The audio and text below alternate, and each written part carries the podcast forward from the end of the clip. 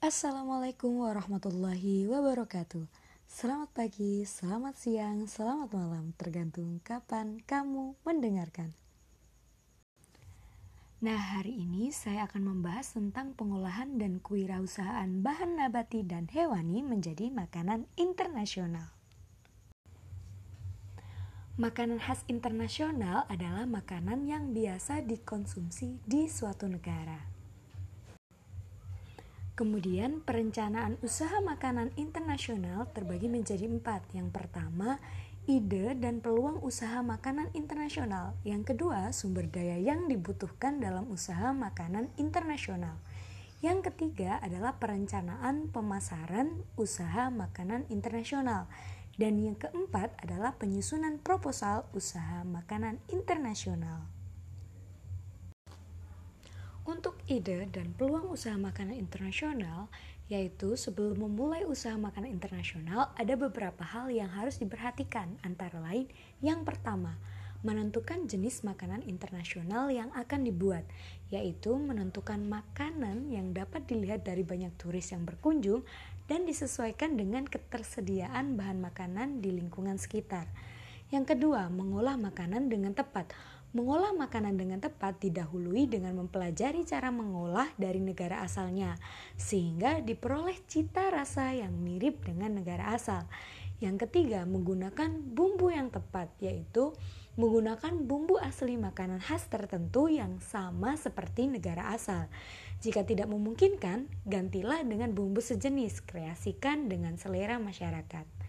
Kemudian yang keempat adalah mencari lokasi yang tepat, yaitu memilih lokasi yang strategis yang mempermudah pembeli datang ke warung makan atau restoran. Dan yang kelima, menentukan harga yang tepat, yaitu tidak memasang tarif terlalu mahal, bahkan memberikan harga promo pada periode tertentu. Dan kemudian yang keenam memberikan pelayanan prima, yaitu memberikan pelayanan yang baik, misal melayani dengan cepat, cekatan, dan ramah agar pelanggan puas. Dan yang ketujuh adalah konsisten dalam pelayanan, yaitu buka dan tutup pada jam yang tetap, serta memberikan harga tetap. Jika terjadi perubahan, maka memberi pemberitahuan terlebih dahulu.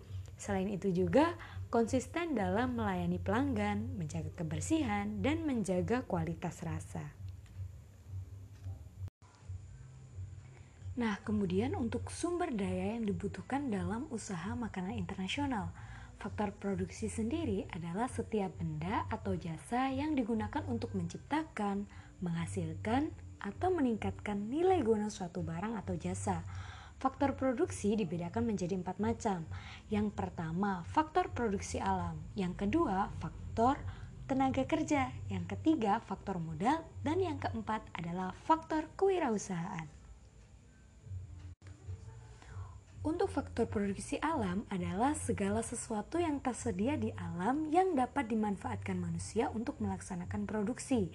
Faktor produksi alam berupa satu Air digunakan untuk mencuci alat dan bahan makanan, memasak, dan minum. Yang kedua, tanah digunakan untuk tempat lokasi usaha. Yang ketiga, iklim dan udara yang berpengaruh pada usaha makanan. Misal pada daerah dingin, maka membuka usaha makanan yang menghangatkan. Kemudian yang keempat, tumbuhan dan hewan, yaitu dapat digunakan sebagai bahan makanan. Kemudian ada juga faktor produksi tenaga kerja. Faktor produksi tenaga kerja adalah kemampuan yang dimiliki manusia baik jasmani maupun rohani yang digunakan dalam proses produksi. Faktor produksi tenaga kerja yang digunakan pada usaha makanan internasional adalah satu tenaga kerja jasmani dan yang kedua adalah tenaga kerja rohani. Tenaga kerja jasmani sendiri adalah tenaga kerja yang lebih banyak menggunakan kekuatan fisik berupa keterampilan dan merupakan tenaga kerja pelaksana. Biasanya tenaga kerja jasmani dibagi berdasarkan pendidikan dan latihan yang dimiliki tenaga kerja yang dapat dibedakan menjadi tiga macam, yaitu yang pertama, tenaga kerja terdidik atau skill labor adalah tenaga kerja yang memerlukan pendidikan khusus sebelum memasuki dunia kerja, misalnya chef atau ahli masak. Yang kedua adalah tenaga kerja terlatih atau trained labor adalah tenaga kerja yang memerlukan latihan keterampilan sebelum memasuki dunia kerja, misalnya tukang masak. Dan yang ketiga adalah tenaga kerja yang tidak terdidik dan tidak terlatih atau unskilled and untrained labor adalah tenaga kerja yang tidak memerlukan pendidikan dan latihan keterampilan sebelum memasuki dunia kerja, misalnya tukang sapu dan pesuruh. Dan kemudian untuk tenaga kerja rohani adalah tenaga kerja yang lebih banyak menggunakan kemampuan intelektual dalam melakukan aktivitasnya, misalnya manajer pemasaran. Kemudian untuk faktor produksi modal adalah setiap benda atau alat yang digunakan untuk menghasilkan barang atau jasa ataupun yang dapat digunakan dalam proses produksi. Nah, untuk faktor produksi modal sendiri terbagi menjadi beberapa. Yang pertama, menurut wujudnya, yaitu dapat dibedakan menjadi dua, modal barang dan modal uang. Modal barang sendiri yaitu sesuai namanya yaitu berwujud barang yang digunakan untuk proses produksi. Misalnya bangunan untuk restoran, alat memasak, kursi, meja, bahan mentah, dan alat-alat kantor. Kemudian untuk modal uang yaitu daya beli modal yang berbentuk uang sebelum diubah menjadi modal barang. Bisa berupa uang tunai atau simpanan di dalam bank. Dan yang kedua yaitu menurut fungsinya.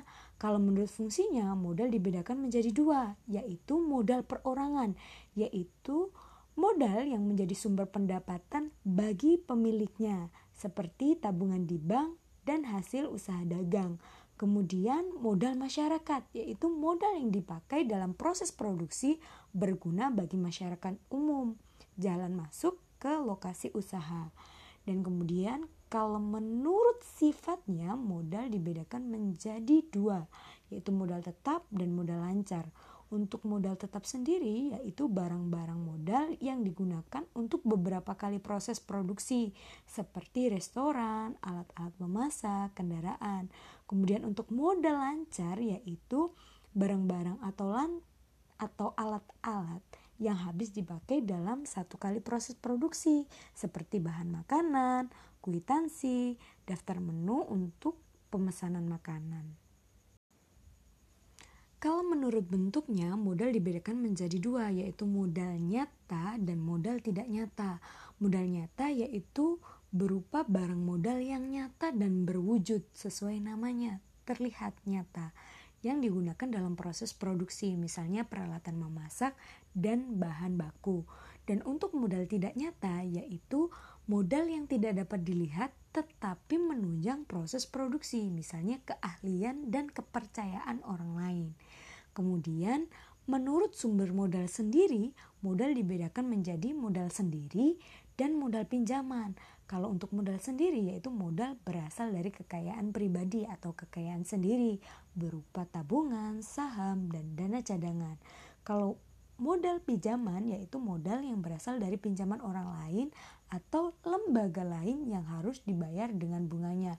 Misalnya hutang bank dalam jangka pendek atau jangka panjang kemudian pinjaman koperasi atau pinjaman dari perusahaan lain. Kemudian untuk faktor produksi kewirausahaan adalah faktor produksi yang perlu dimiliki oleh seorang wirausahawan dan menentukan faktor-faktor produksi. Faktor produksi kewirausahaan sangat diperlukan dalam mengendalikan dan mengelola usaha makanan internasional. Seorang wirausahawan harus memiliki keahlian sebagai berikut. Yang pertama, keahlian memimpin atau managerial skill, yaitu keahlian yang perlu dimiliki seorang wirausahaan dalam memimpin usaha makanan internasional. Kemudian keahlian teknologi atau technological skill, yaitu keahlian yang bersifat teknis ekonomis yang digunakan wirausahawan dalam melakukan kegiatan ekonomi, terutama dalam produksi makanan internasional. Dan yang ketiga adalah keahlian organisasi atau organization skill, yaitu keahlian yang perlu dimiliki seorang wirausahawan untuk mengatur berbagai usaha dalam usaha makanan internasional, baik ke dalam maupun ke luar negeri. Hal-hal yang perlu dilakukan untuk membina kewirausahaan adalah membuat program kerja atau perencanaan yang jelas dan tepat. Kemudian mengadakan pengorganisasian atau pengaturan dan pengawasan yang ketat terhadap faktor-faktor produksi. Dan memberikan jaminan kesejahteraan yang memadai terhadap para karyawan agar mereka mampu melaksanakan tugasnya dengan baik. Kemudian untuk perencanaan pemasaran usaha makanan internasional.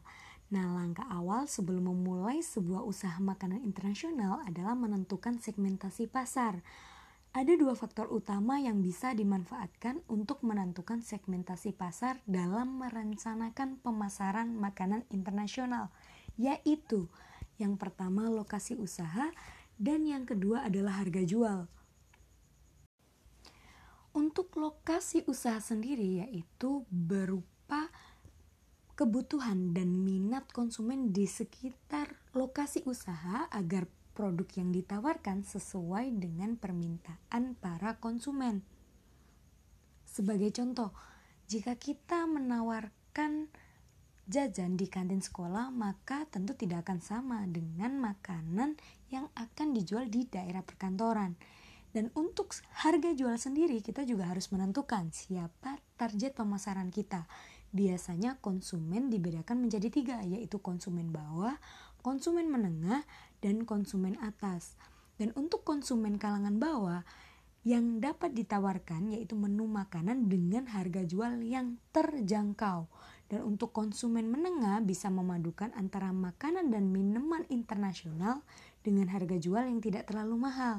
Dan untuk kalangan segmen atas, yang terpenting adalah pelayanan prima dan kelezatan cita rasa makanan yang disajikan. Karena biasanya konsumen tingkat atas tidak memikirkan uang yang mereka keluarkan. Namun yang terpenting adalah kepuasan yang bisa mereka dapatkan. Nah, kemudian pada penyusunan proposal makanan internasional karena seseorang yang akan memulai usaha makanan internasional sebaiknya membuat perencanaan yang disusun dalam sebuah proposal. Isi proposal biasanya berupa penjelasan tentang visi misi, tujuan kegiatan usaha, maksud kegiatan usaha, profil usaha makanan internasional, strategi pasar, analisis SWOT sebagai kelayakan usaha, dan proses produksi. Nah, di sini saya akan memberikan penjelasan lanjut tentang strategi pasar.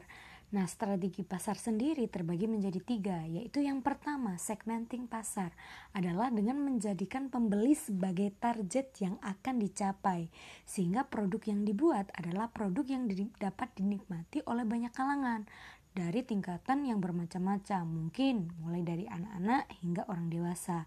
Dan yang kedua adalah targeting, yaitu target pasar, di mana pada kalangan masyarakat setempat pengguna produk. Kemudian yang ketiga adalah positioning, yaitu inovasi dengan cara menambahkan bahan baru yang membedakan makanan ini dengan makanan sejenis yang ada sehingga tampilan lebih menarik dan rasa lebih unggul dengan kualitas yang lebih baik.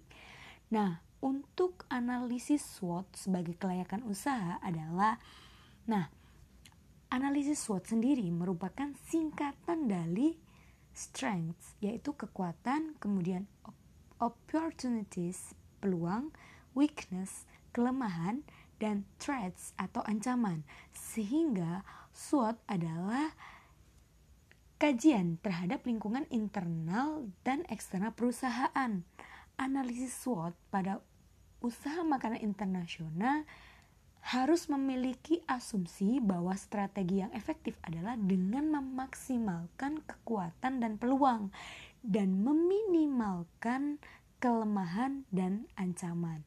Sehingga analisis SWOT digunakan untuk mengetahui langkah-langkah apa yang harus dilakukan dalam mengembangkan usaha sebagai alat penyusun strategi. Dan untuk proses produksi sendiri, yaitu meliputi alat dan bahan yang digunakan hingga proses pembuatan dan penyajian. Demikian penjelasan tentang perencanaan usaha makanan internasional. Semoga mudah dipahami dan bermanfaat. Tetap jaga kesehatan, jangan lupa jaga jarak, pakai masker, dan stay safe. Demikian dari saya. Wassalamualaikum warahmatullahi wabarakatuh.